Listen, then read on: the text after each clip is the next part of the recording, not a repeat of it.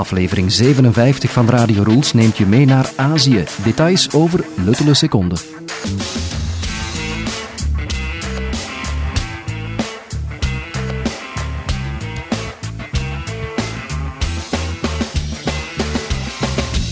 Hey, welkom bij Radio Rules van deze week. Het lijstje met landen waar we Vlamingen interviewen groeit gestaag aan. De vorige immigrant die we hier op de Skype kregen zat in Canada, weet je dat nog? Dat was dat fantastische verhaal van Fanny, die in uh, Fredericton in New Brunswick woonde. En ook deze week hebben we weer een mooi en intrigerend verhaal, vind ik. Het verhaal van Carla Vermeulen. Dat is een Vlaamse vrouw die samen met haar man en kinderen in Singapore woont. Dat spreekt een beetje tot de verbeelding, vind ik, Singapore. Het is het uh, kleinste land van Zuidoost-Azië. Met zijn 716 vierkante kilometer is het eigenlijk een stadstaat. Het is zowat de helft van ja, een gemiddelde provincie bij ons hier in België, denk ik. En het eh, land bestaat eigenlijk uit een groep van in totaal 63 eilanden. Het is sinds 1965 onafhankelijk van Maleisië. Nu, vroeger was Singapore vooral oerwoud en groene bossen, maar wat vandaag vooral kenmerkend is, wat vandaag vooral opvalt eh, aan het land, aan Singapore, is die indrukwekkende skyline van eh, wolkenkrabbers, die smetteloze straten ook. Er is zo die, die bewering, dat gerucht dat je een boete zou krijgen als je iets op straat gooit daar. En wat ook opvalt, en dat is ook een van de kenmerken, is ja, de mix van verschillende nationaliteiten, van heel veel verschillende talen en invloeden ook. Het is echt een fantastische smeltcruise. Eh, ik was er zelf in 2005 eh, enkele dagen. En ook al ligt het in Azië, je waant je echt in een moderne westerse stad. Ik heb er heel goede herinneringen aan overgehouden aan Singapore. En daar in Singapore, in dat stadstaatje in Azië, woont dus onze gast van vandaag, Carla Vermeulen, landgenote die Singapore thuis mag noemen. En het verhaal van Carla is bijzonder, vind ik omdat ze goed in Singapore woont en dat op zich al fijn is natuurlijk, maar ook vooral omdat ze in het buitenland geboren is. Haar ouders waren op uh, hun beurt ook al expats. En ze heeft dat internationale leven, uh, dat, dat leven als expat en dat permanent immigrant zijn eigenlijk uh, letterlijk met de paplepel meegekregen. Vanaf dag één is dat ja, haar eigen gemaakt, zit dat in haar bloed letterlijk. en hetzelfde geeft ze nu trouwens ook door aan haar kinderen. Dat zal je later in het interview ook horen. Echte wereldburgers zijn het in elk geval. En daar mogen ze, daar mag ze denk ik heel erg trots op zijn. Dus deze week het mooie verhaal, het gesprek met een Vlaming in de wereld, een nieuwe Vlaming in de wereld, Carla Vermeulen in Singapore. Mijn uh, beide ouders zijn uh, van Limburg afkomstig, van Mazeik. En uh, ze zijn eigenlijk vrij jong, pas getrouwd, zijn ze naar Afrika gegaan. Dus ik ben in Cotonou, Benin geboren. Mijn oh, wow. broer, mijn ouder, ja, ik, we zijn dus drie kinderen. Mijn oudste broer is in Ivoorkust geboren. En dan heb ik nog een zus die in Cotonou is geboren en ik dus een beetje later, uh, elf maanden later. Dus uh, vrij kort op elkaar. Ja, en daar lang gebleven en, dan toen je klein was? Uh, eigenlijk niet zo lang. Ik denk twee jaar of zo, ik, daar weet ik eigenlijk niks meer van. Want we zijn eigenlijk vrij snel naar Marokko verhuisd en daar heb ik wel acht jaar gewoond. Um, nee, zelfs langer, sorry. tot mijn vijf, dertien, vijftiende jaar heb ik een, een Marokko gewoond. Mhm. En daar ben ik dus ook naar een Franse school gegaan. Maar dus mijn ouders zijn beide van Limburg en we hebben eigenlijk altijd thuis Nederlands gesproken. Dus vandaar waarschijnlijk dat er een, een klein Limburgs accent is met een, een Franse tongval, zeggen ze soms. Maar oké, dat weet ik dus niet. Maar je bent dus perfect uh, twee, enfin, twee, meer dan Ja. tweetalig, drietalig, Ja. maar je spreekt ook heel goed Frans eigenlijk. Ja. Ja, ja, ja, ja. Tot mijn vijftiende naar een Franse school gegaan en dan uiteindelijk eh, toegepaste economische wetenschappen gedaan in Diepenbeek. Mhm. En dan uiteindelijk nog één extra jaar gedaan in uh, Louvain-la-Neuve in Frans. Om, om, ja, enerzijds omdat het, eh, het ging over de, de ontwikkelingslanden, economie in de ontwikkelingslanden, omdat het mij enorm interesseerde. En ook om, om het Frans eigenlijk terug een beetje ja, op te halen en eh, toch wel een, een beetje een diploma te hebben in, eh, de Frans, Hmm. eh, ja, Franse taal. En hoe komen jouw ouders in ja, Benin of Afrika of Marokko terecht? Dan hadden zij een internationale job of wat was de reden? Uh, mijn papa is landbouwingenieur en die werkte bij uh, de Belgische overheid. En dan heeft hij een, een, tijdje bij het ABOS gewerkt. Dus dat is bij uh, een Nederlands bedrijf, een Nederlandse overheid. En hij deed eigenlijk irrigatieprojecten in Afrika. En Hmm. vandaar dus Ivoorkust, Cotonou en dan Marokko. Ja, dus dat buitenlandse, dat zat er eigenlijk ja, altijd al in. Dat is letterlijk met de paplepel uh, meegegeven, aangezien je ook in, in Afrika geboren bent. Maar ik hoor je zeggen, dan, je, je studies heb je wel in België gedaan, hè, aan de universiteit. Ja, ja. Dus mijn ouders hadden echt gekozen van, kijk, onze oudste is 18 jaar, hij moet naar de universiteit, we gaan terug naar België, zodanig dat we toch als gezin samen kunnen blijven. Omdat we dat toch, als je als expat uh, leeft, en dat merk ik nu ook bij de families, vanaf het moment dat je 18 jaar, je kinderen 18 jaar zijn, dan moet je een keuze maken. Ofwel doe je dit leven verder als expat, ofwel ga je eigenlijk terug naar je, je land, zodanig dat je eigenlijk als gezin verder kan uh, samen zijn. En dat hebben eigenlijk mijn ouders verkozen. Vandaar dat we terug naar België zijn gegaan en dat ik daar eigenlijk het verder het Nederlands heb uh, gevolgd, de humaniora, en dan daar mijn studies gedaan. Nou ja, dus ja, je, je universiteitsjaren of je hogeschooljaren heb je volledig in België gewoond dan? Ja, ja. ja. ja. En dan nadat je afgestudeerd was, ben je nog een tijdje in België gebleven of hoe zat dat dan? Dus daar heb ik dan uh, eigenlijk een beetje uh, bij Dagibert gewerkt. Eerst een, uh, dus als economiste, als controller. En dan bij Carrefour. En dan nog een, een, bedrijf in België. En dan uiteindelijk had ik de mogelijkheid, of ben ik eigenlijk naar Ahold gegaan in Amsterdam. Want we hadden gezegd met mijn man, allee, ondertussen waren we getrouwd. Mm -hmm. Kijk, als een van ons twee ooit de mogelijkheid krijgt om naar het buitenland te gaan, dan, dan nemen we die. En oké, bij mij was het de eerste mogelijkheid om naar Amsterdam te gaan, dus dat is nog niet echt heel ver, maar oké, dat was toch al een eerste stap. Ja. En uh, mijn man werkte toen uh, voor eigenlijk uh, de Aziatische markt en voornamelijk India, want het bedrijf waarvoor dat hij werkte, wou eigenlijk iets oprichten in India. En de 20% reizen werd 50% van de tijd reizen en dan uiteindelijk 75%. En we hadden ondertussen één kindje en ja, dan hebben we toch maar beslist van kijk, ofwel gaan we verder voor dat expat leven, ofwel blijven we allebei in België en gaan we ons hier verder settelen. Maar oké, omdat we toch wel allebei overtuigd waren om naar het buitenland te gaan, hebben ook de beslissing genomen van kijk, laat ons naar India gaan Hmm. en uh, ja, dan zien we wel hoe dat het loopt. En, uh, Ja. Ja. En, en toen, enfin, even voor India, was het op dat ogenblik voor jou duidelijk en kriebelde het al van ja, ik wil graag naar het buitenland, ik, ik, ik wil weg uit België, of leefde dat niet echt zo? Jawel, jawel. Ja. dat is altijd geweest van kijk, als we ooit de mogelijkheid krijgen, dan gaan we. En Amsterdam, ik moet toegeven, het is niet ver, maar het was toch al een beetje het, ja, het, het eh, gevoel van kijk, niet elk weekend kan ik terug naar huis komen. Dus dat is toch wel een beetje al een afstand. En allee, er was alleen maar onze overtuiging van kom aan, we gaan gewoon verder als we, als de mogelijkheid krijgen. Maar dus als jonge persoon is het ook niet altijd gemakkelijk. Om, om, we hadden ondertussen ook al één kindje, we hebben een zekere verantwoordelijkheid. Dus maar ja, we hebben het uiteindelijk gewaagd. We dachten van een, een contract van twee jaar. Laat ons zien hoe dat het loopt. Twee jaar is ook eigenlijk zo om. Ja. En uiteindelijk zijn het er acht geworden. Dus, uh, Ah ja. En uh, hoe oud was je toen, toen je naar India verhuisde, als ik dat vragen mag? Uh, wel, toen was ik... Wacht, hè. Eventjes nadenken, want dat was toch wel al een... Wacht, eventjes nadenken. 2007, dus dan... ja, ondertussen, ik ben van 74. Hmm. Dus dan was ik toch wel in de, in de 30 zeker, hè? Ja. 31, 31, 32. Ja. En dus, um, ja, dat was 2007. Toen maakte je de sprong uh, naar India, omdat jouw man daar al, al voet aan grond had eigenlijk. En dan ben je terechtgekomen ja. in Bangalore, geloof ik, hè? Die, die stad, hè? Ja, ja, ja, ja. ja. Bangalore is een, uh, de IT-stad van India. En eigenlijk de meest, allez, of toch wel een van de meest moderne steden van, uh, van India, denk ik toch wel. Zeker voor, voor expats. Uh, waar hadden ze toch wel enkele voorzieningen of echt wel buurten waar dat er meer voor expats waren. Alhoewel dat het leven toch wel, uh, toch wel uh, allee, hard is in die zin dat je niet altijd elektriciteit hebt, niet altijd warm water. niet, je kan niet alle middelen vinden die je, kan, die je in België zou kunnen vinden. Dus allee, het was toch wel moeilijk, maar leuk. Allee, ik moet zeggen, een hele aangename stad. Uh, heel veel contacten met andere gezinnen. Dus een heel hechte band met de, met de expat-omgeving eigenlijk en, uh, en families. Dus wel leuk. Was je al in India geweest of was het een totale sprong in het duister? En wel, ik moet zeggen, nee, dat was de eerste keer in India, maar het herinnerde mij ongelooflijk mijn tijd in Marokko.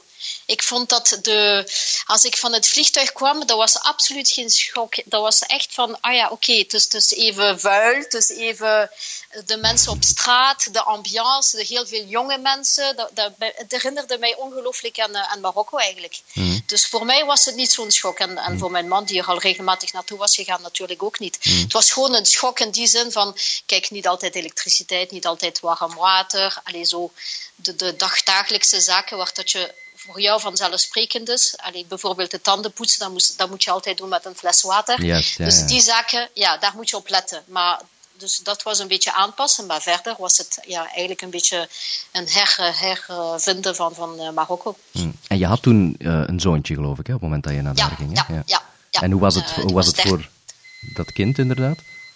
Ja, super. Dat was altijd, ja, kijk, mama was altijd thuis.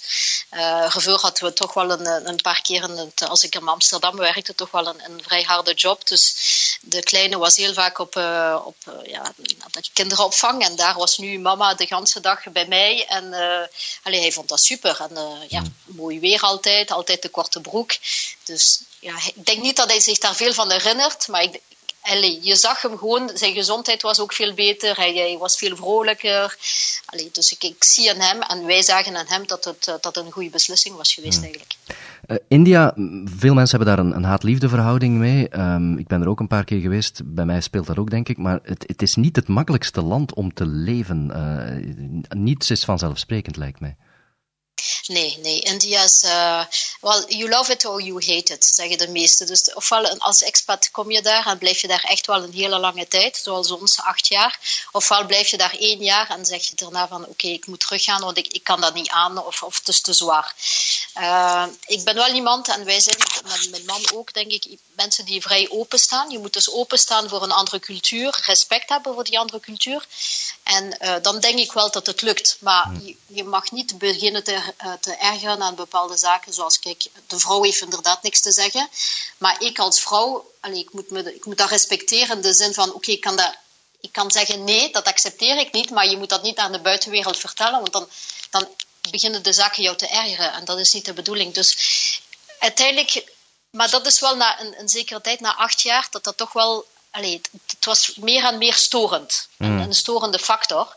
Maar in het begin pas je daaraan en zeg je van, ach ja, laat me zitten. Uh, kijk, die weten niet beter of wat mm. dan ook. Maar na acht jaar, dat dan voelde dat toch wel, dan wrong dat toch wel. Het was genoeg geweest. Uh, ja. Ja, ja, ja, Want in veel gevallen zie je ook dat um, wanneer de man een job krijgt in het buitenland, de vrouw meegaat, maar ook problemen heeft om een werkvergunning te krijgen en daar eigenlijk niet mag werken. Was dat in jouw geval ook zo? Ja, dat ja. was uh, onmogelijk om een werkvergunning te krijgen. En uh, ja, ik heb er ook eigenlijk niet veel moeite voor gedaan. Hmm. Dus het is zo dat je wel misschien een bedrijf via een bedrijf kan uh, daar te werk gesteld worden. Maar het is helemaal niet gemakkelijk om één als vrouw daar erkend te worden. En twee dan uitgezonden te worden naar een dergelijk land of daar eigenlijk werk te vinden. Dus ze Hmm. geven toch altijd wel voorrang aan ofwel een man ofwel aan lokale mensen. Hmm. Dus en gezien dat ik eens zoontje had, allee, was voor mij, maar dus, dus was eigenlijk in het begin sowieso onmogelijk. Als je inderdaad misschien meer en meer inspanning zou doen, zou het misschien gelukt zijn. Maar ik heb er eigenlijk verder ook niet meer. Uh, niet meer uh, ja. Ja. Het voordeel is natuurlijk, je had inderdaad een zoontje. En net op het moment in zijn jongste jaren, wanneer hij ja, een, een, een vaste, stabiele ouder nodig heeft, was je daar inderdaad wel fulltime voor, voor hem natuurlijk. Hè? Ja, ja, ja. En we wouden sowieso meer dan één kindje. Dus ondertussen had ik daar. Allee, ik ben nu twee keer zwanger geworden, dus uiteindelijk hebben we drie kindjes. Dus ja, ik heb me wel bezig gehouden met de kinderen gedurende ah, ja. die periode. Dus ja. twee van jouw kinderen zijn geboren in India, of hoe ging dat dan?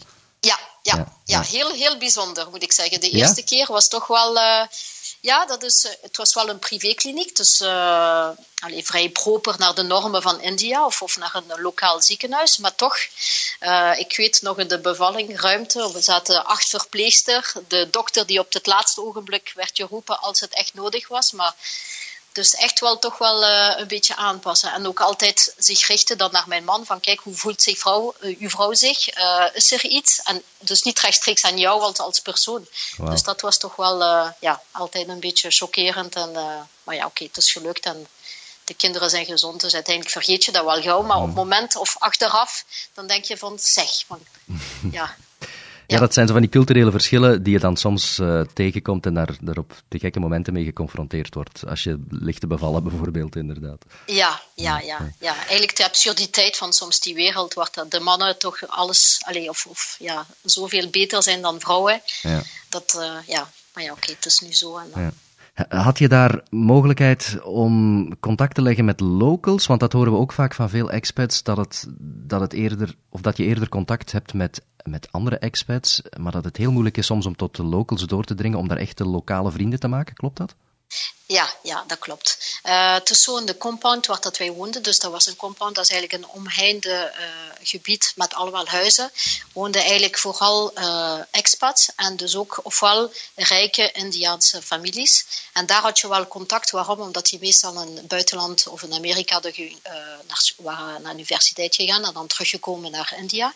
Maar dus echt de lokale, lokale mensen, dat was, dat is bijna onmogelijk om, om contact te hebben. Ja, vluchtig, goeiedag, ja, hoe gaat het? Maar niet dieper, omdat we toch cultureel verschillen we zodanig van elkaar dat, uh, ja, ik denk niet dat er een wederzijds respect is eigenlijk van de Indiërs naar ons toe ook. Hmm. Ze, allez, ze, ze, verstaan ons westerse samenleving vaak niet of, of willen zich daar ook niet mee moeien. En dan, dan als, als buitenstaander, dan wil je dat ook niet. Als zij dat niet toelaten, dan, dan ja, voel je ook aan dat dat eigenlijk ook niet andersom kan. Dat mm. jij je niet moet, uh, niet, niet, moet opdringen eigenlijk. Zij werken ook nog vaak met een soort sociale rangorde. Ja, dat, dat hele kastensysteem. Leeft dat nog? Merk je dat nog? Ja, ja, ja, ja. De volledige, het kassensysteem is, is volledig aanwezig. Dus het mag niet meer officieel, maar het is duidelijk overal uh, aanwezig. Dus ook de, de huwelijken onder elkaar is uh, echt ik zeg maar iets, een, chauffeur trouwt met een, een, andere persoon die ook chauffeur is, of, of allez, families van chauffeurs.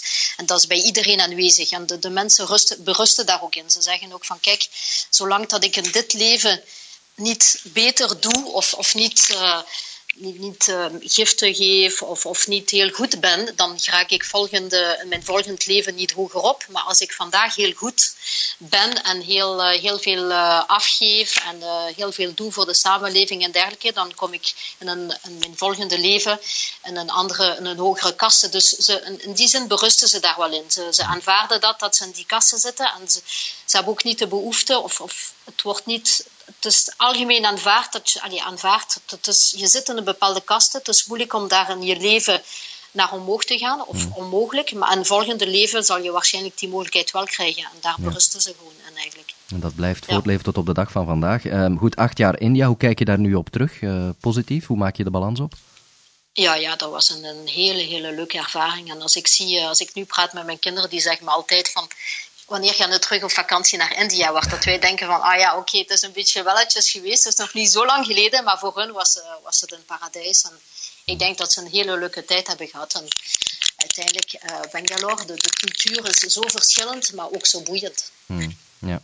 Dus acht jaar India en dan um, ben je even terug naar België gekomen, geloof ik, hè? Ja, ja. tussen twee contracten door is, is mijn man eigenlijk zijn er terug naar België gegaan. En uh, hij moest eigenlijk zoeken, onderzoeken of de, de Aziatische markt uh, rijp was voor uh, de verkoop, voor het, de, het, oprichten van een nieuw kantoor in Singapore. Hmm. En dat heeft hij eigenlijk gedaan vanuit uh, België. Dus wij zijn met, met de hele familie terug naar België gegaan voor één jaartje.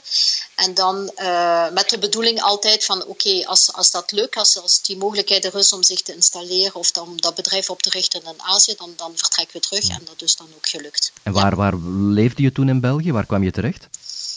Uh, Bonaire, dus we zijn alle, uh, Tony is afkomstig, mijn man is afkomstig van Bonaire, dus we hadden daar ook een huis uh, gebouwd en, als we in Amsterdam woonden. We hadden eigenlijk een huis gebouwd in Bonaire. daar ben ik ook in die buurt en in dat huis eigenlijk ook bevallen van, van ons eerste zoontje. En dus eigenlijk hadden we altijd dat huis gehouden. Als met de bedoeling van, kijk, ja, ook een, een pied-à-terre. Weet je, als je terugkomt, dat je toch een gevoel geeft aan, aan je kinderen van, of aan je kind van kijk, dit is thuis ook wel. Uh, maar uiteindelijk hebben we het dan uh, vandaag verhuurd en ja. uh, zijn we uiteindelijk terug. Ja. Dus maar één jaartje zijn ze wel dus naar een Nederlandse school ja. gegaan. Hoe ging die, die aanpassing? Want dan ga je plots van, van Bangalore, India naar Bonheide, Belgium. Hoe, hoe was die aanpassing? Eigenlijk, het liep wel vlot. En ik moet zeggen, vlotter dan dat ik verwachtte. De kinderen hebben zich heel snel geïntegreerd. Uh, maar voor ons, Tony en mezelf, ik ben ook terug beginnen te werken. Dan was het toch wel van, ah, wat doen we hier? Ja. Uh, ja, hebben daar wel goed aan gedaan of we hadden ja, misschien meteen ergens naar buitenland gegaan. Dat was toch echt wel terug een confrontatie met de realiteit van het hectische leven wat we ervoor hadden. Uh, altijd in de file staan, altijd opgejaagd om op tijd terug te zijn, om, om uh, je zoontje op te halen en de kinderen van school. Dus dat, dat hectische gevoel, ik dacht van oké, okay, dat gaan we niet lang volhouden. Dat is ofwel gaat er iets drastisch moeten veranderen met, met, een, met de twee, een fulltime job en met drie kinderen. Dat was, die combinatie vond ik op dat moment, en zeker omdat ik er zo lang uh, eigenlijk niet meer had gewerkt, ja. vond ik eigenlijk heel moeilijk, moet ik ja. zeggen. Ja. Kon je, kon je aarden in België? Dan bedoel ik eerder qua mentaliteit en qua cultuurverschillen? Of, of hoe zat dat? Dat lukte wel, alhoewel dat ik toch wel vond dat de jongeren, alleen hoe dat ik, want natuurlijk als ik uh, vertrok vanuit België, was ik uh, pas afgestudeerd en ben ik eigenlijk gestart met, met de job. En vond ik toch de mentaliteit van de jongeren nu en toen, allee, toch wel een groot verschil. Waar dat wij, waar dat de jongeren nu denk ik meer ook uh, een, een balanced life willen hebben. Uh, waar dat ze allee, een leven van, van vrije tijd en werken, dat ze dat eigenlijk toch wel een beetje willen een evenwicht hebben. Waar dat, als ik startte, was het echt van ja, werken, werken en zorgen mm. dat je je werk goed doet en uh, dat je baas tevreden is en dan raak je wel hoger op. En dat, dat voelde ik minder. Dus ik dacht van ja, ja, ja, toch, wel niet meer thuis voelen in die omgeving en toch wel geproefd hebben van het kan op een andere manier, op een veel aangenamere uh, manier. En ook het gezin, omdat je zelf zo gestresseerd bent van het werk op tijd en dan de kinderen. En de kinderen dan op school, ze voelden ook van kijk, daar klopt iets niet, dat is het is niet aangenaam thuis. Dus uh, we hadden wel vaak ruzie en er waren vaak een spanning, omdat ja, de druk is gewoon enorm, denk ik. Ja, je leeft anders. En het stond in de sterren geschreven dat je gewoon terug naar het buitenland ging natuurlijk. En dat gebeurde ook uh, in 2015, als ik me niet vergis. Hè? Ja, ja, ja, dan zijn we terug naar, uh, naar, Bangalore, naar Singapore gegaan. Ja, en waar, inderdaad. Dan, toen kwam je in Singapore terecht. Singapore en, de, en ja, de, een grote contradictie met, met uh, Bangalore. Ja. Uh, ja, heel rijk, heel uh, proper, heel veilig, heel, ja, heel rijk. Ja. Dus een, een kleine stad staat in, in Azië, hè? heel klein qua oppervlakte, ja. maar toch, toch met miljoenen mensen, geloof ik. Hè? Ja, we zijn met 5 miljoen mensen.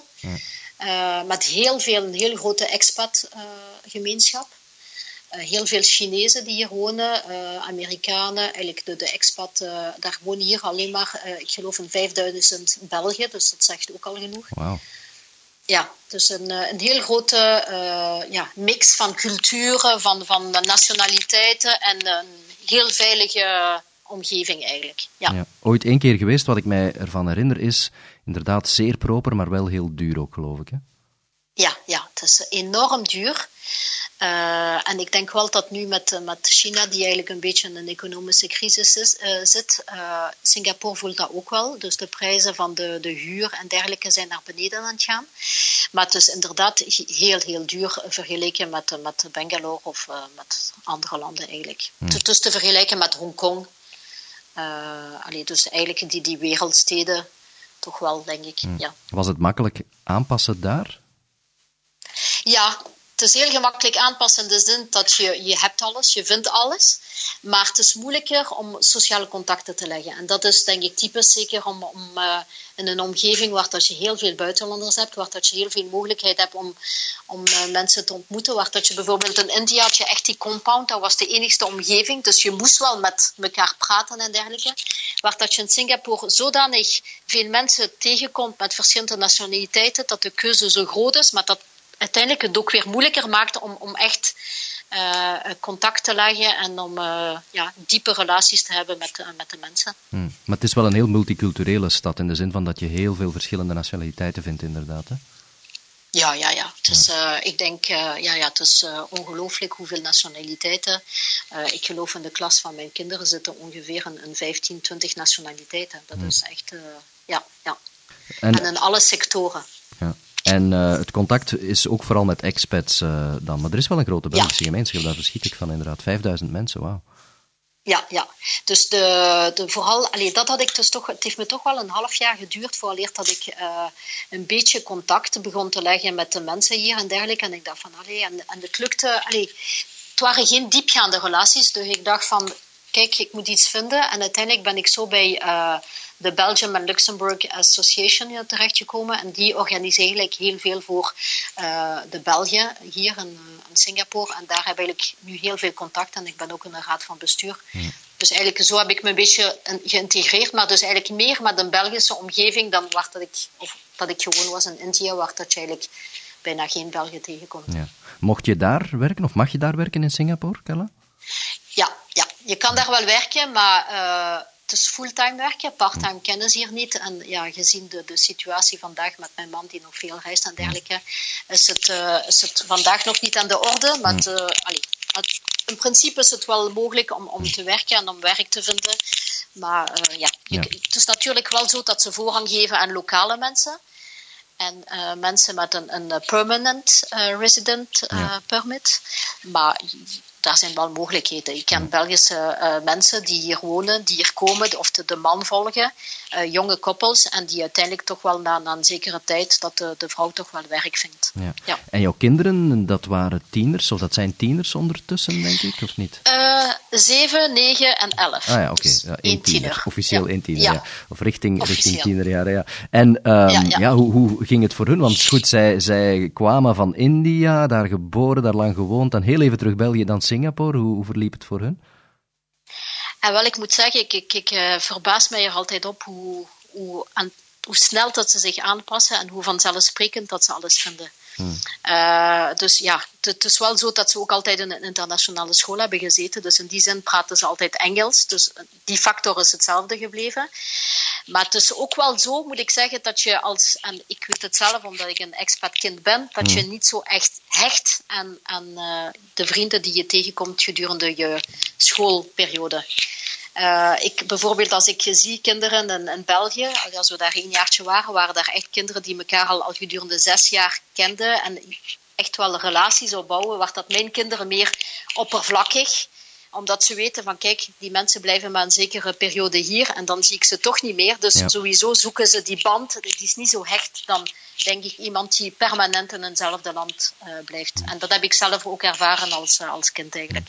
Nu, het feit dat zij ook in een expat-familie opgroeien en ja, um, die, die, die, die verscheidenheid aan landen, nationaliteiten en talen ook meekrijgen, is een, een enorme verrijking toch voor kinderen. Hè? Ja, ja. Ik, ik ga het iedereen aan en uh, dat is echt wat ik ook meld aan uh, allee, de meeste neefjes en nichtjes. En als je de mogelijkheid krijgt, doe dat gewoon. Al is het maar om, om een andere visie te krijgen op de wereld, om andere uh, manieren van werken, van leven, van samenleven, van respect. dat is een enorme verrijking voor de kinderen. En ze zien ook ze zien geen verschil tussen. Ze zijn niet racistisch, ze zijn niet. Uh, het is gewoon een samenwerking van verschillende culturen. En dat vind ik uh, enorm belangrijk. En zeker naar de toekomst toe, dat, denk ik dat het nog belangrijker gaat worden. Ja, het is met de paplepel ingegeven. Ze stellen zich daar ook geen vragen bij, hè, bij huidskleuren of accenten. Dat is gewoon deel van de, van de dagelijkse realiteit. Um, Carla, als je nu een, een, verkoopspraatje zou moeten houden voor Singapore, wat maakt dat land zo um, leuk? Of, of wat zijn de, de troeven zeg maar, van, uh, van dat land? Uh, heel belangrijk, iedereen praat Engels. Je kan er alles vinden. Het is wel een duur land, maar je kan er alles vinden. Het is heel centraal gelegen, dus voor te reizen super. Uh, alles is vrij kort bij, tussen aanhalingstekens. En je hebt de meeste rechtstreekse vluchten vanuit hier.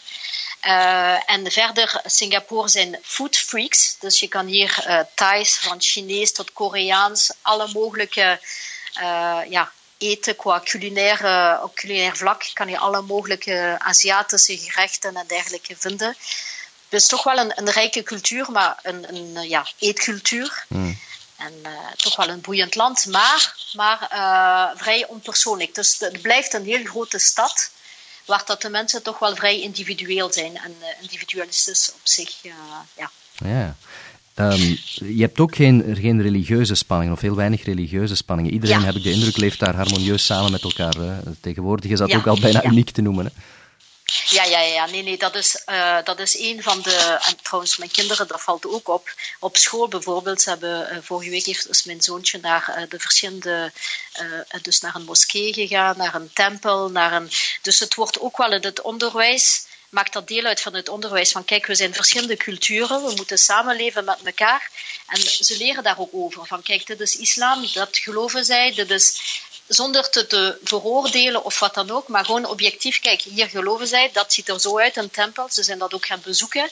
Dus, dus, en de mensen leven ook samen. Het wordt een beetje gestuurd door de overheid. In die zin dat er bijvoorbeeld een, een uh, woningen die ter beschikking worden gesteld van de bevolking. Mm. Uh, in, Singapore is het zo dat iedereen één keer per uh, in zijn leven een woning kan kopen aan een vrij redelijke prijs. Zodat dat eigenlijk iedereen toch wel de mogelijkheid krijgt om een woning te kopen. Ja. Dat daar toch wel gezorgd wordt dat er bijvoorbeeld in een flatgebouw zoveel aantal Chinezen zijn, zoveel aantal Koreanen, zoveel aantal Maleisië, mensen van Maleisië en dergelijke. Dus ze zorgen toch wel dat er geen ontstaan in bepaalde gebieden van de stad. Dus, dus een beetje gecontroleerd, maar dat maakt het ook mogelijk dat de mensen ook heel harmonieus met elkaar uh, leven en uh, ja, elkaar respecteren. En houdt de sociale mix echt uh, in, de, in de gaten en controleert dat. Ja, ja. ja, ik, ik vraag aan al mijn gasten, al de mensen in het buitenland die ik interview, altijd of ze iets van België missen. Maar jij woont ondertussen, denk ik, misschien meer jaren in het buitenland dan in België. Maar is er iets dat je mist of heb je soms heimwee? Nee, heel raar hè, maar nee. Een eerlijk antwoord. Ik, Ja, ik heb ook niet het gevoel van België is mijn thuis. Dat heb ik niet. Ik heb het gevoel van, kijk, als ik naar België ga, dan ga ik daar omdat mijn ouders daar wonen. En omdat, maar als zij nu, ik, ik stel maar in, in, de US zouden wonen of in Thailand, dan zou dat mijn thuis zijn. Omdat ik altijd toch wel het gevoel als ik naar mijn ouders ga en daar blijf slapen of logeren gedurende een paar dagen, ah ja, dat is terug thuiskomen. Maar niet echt België op zich niet. Dat is hmm. raar, maar ja, dat is zo. Ja. Nee, dat is, dat is perfect te verklaren, denk ik, omdat je inderdaad al zo lang internationaal uh, bezig bent. Um, het, is, ja, het is ook niet voor iedereen weggelegd, heb ik de indruk. Hè. Je hoort soms ook verhalen van mensen die, die ja, immigreren, maar dan terugkomen wegens heimwee. Ja, het moet in je zitten, denk ik, ergens. Hè? Het moet in je zitten en je, je moet vertrekken. Als je met iemand vertrekt, dan moeten de beide partners ervoor gaan en erachter staan. Anders lukt het niet. Uh, dus bij ons was het alle twee van kijk, als iemand de mogelijkheid krijgt, dan volgt die. En dan, dan vinden we, dan lukt het wel. En de, de, beide partners, als ze erachter staan, dan lukt het wel. Maar ik denk als het, dat het heel moeilijk wordt vanaf het moment dat één, ah ja, oké, we zullen wel zien, uh, begint te twijfelen, dan denk ik dat, het, uh, dat de relatie zwaar onder druk komt, omdat meestal ook toch wel een partner in het begin geen werk heeft. Mm. En uh, dat dat soms wel kan wringen. Uh, dus ik, ik, denk dat het heel belangrijk is als mensen beslissen om te vertrekken, dat dat echt met beide zijn er akkoord mee en, en willen ervoor gaan en gaan er het beste van maken. En mm. dat dat de houding moet zijn eigenlijk. Maar als je, alle twee, als je alle twee on the same page zit, zoals ze in het Engels zeggen, dan kom je er ook wel sterker uit, heb ik gemerkt. Hè? Je, je, je hebt je eigen family unit, zeker in het begin, en that's it. Hè? Dus je moet er het beste van maken. Hè? Ja, ja, dat vind ik ook. En dat merk ik ook aan de kinderen nu. Uh, die hebben ongelooflijk veel aan elkaar. Dus eigenlijk, als we naar een nieuw land gaan, dan is dat telkens met elkaar spelen, met elkaar een, een heel hechte relatie. En dan gaan ze eventueel andere vriendjes hebben. Maar de broer en de zus blijven de kern en, en de belangrijkste elementen in hun leven. Allee, en dat denk ik wel, uh, dat we als gezin heel sterk uh, naar buiten komen en ook een heel sterk familiaal gevoel hebben. De kleine familie eigenlijk. Allee, de andere familieleden, omdat die zo ver zijn, en dan de ouders nog. Het, uh, maar de, de, de, de, relatie met broer en zus, dat dat voor, niet dat het vervaagt, maar je hebt er toch minder, minder contact mee. Je, je zei het daarnet al toen je het over je kinderen had, maar ik neem aan dat hetzelfde voor jou geldt. Het is een ongelooflijke verrijking om, om zo internationaal georiënteerd te zijn. En um, ja, het, het, de, blik op de wereld is veel anders dan als je in België zou gebleven zijn, kan ik me inbeelden. Ja, ja, ja. Nee, nee, daar ben ik van overtuigd. Ik, heb, uh, ik denk ook dat je, allez, dat is iets heel flagrant, maar als we nu naar de, de Belgische politiek kijken, en ik, ik kijk dagelijks naar het uh, nieuws op, op, uh, via de computer. Ah, je volgt het dan nog, denk, ja, ja. Ja, omdat ik toch wel, allee, ik wil blijven meepraten en ik wil toch wel, allee, de kans zit er altijd in dat we terug naar België gaan, dus ja. ik wil toch wel mee zijn en ik wil, uh, in die zin voel, voel, ik me wel België, dat ik, ik, ik ben toch wel uh, benieuwd hoe dat het gaat gaan en hoe dat we verder gaan. En, maar ik denk toch, als ik zie hoe dat Singapore het aanpakt, uh, ja, dat er toch wel zaken moeten veranderen. En dat is alleen maar mogelijk als je een andere kijk hebt op het, op het leven, op hoe dat het anders kan. En uh, allee, dat, dat verwijten we vaak, mijn man en ik, de politici in, in, België bijvoorbeeld, van kijk, ga eens kijken hoe dat het ergens anders is, om, om je een bepaalde visie te, een bepaalde visie te ontwikkelen. En het kan anders. Mensen kunnen met elkaar omgaan en respect hebben om, met elkaar en uh, leven met elkaar zonder altijd in conflict te zijn. En ik, ik denk op de eerste plaats Vlamingen, Walen. Allee, we zijn uiteindelijk niet zo verschillend, mm. maar we moeten gewoon de aanknopingspunten zoeken en, en de, elkaar uh, de positieve zaken ja, benadrukken en daar eigenlijk het, beste van maken. Ja, je leert over het muurtje kijken, zeg ik altijd. Hè? Je, je, je, oogkleppen vallen af en je ziet inderdaad dat het anders kan. En misschien moeten we soms uh, of vaak naar andere landen kijken om te zien dat het inderdaad ook anders kan, dat er andere oplossingen zijn. Um, ja. Carla, je zei daarnet, ja, de kans zit erin, of je weet nooit dat we terug naar België uh, komen. Uh, het leven neemt soms rare bochten. Wat, wat zijn de plannen? Wat, wat is jouw ideale plan voor de toekomst?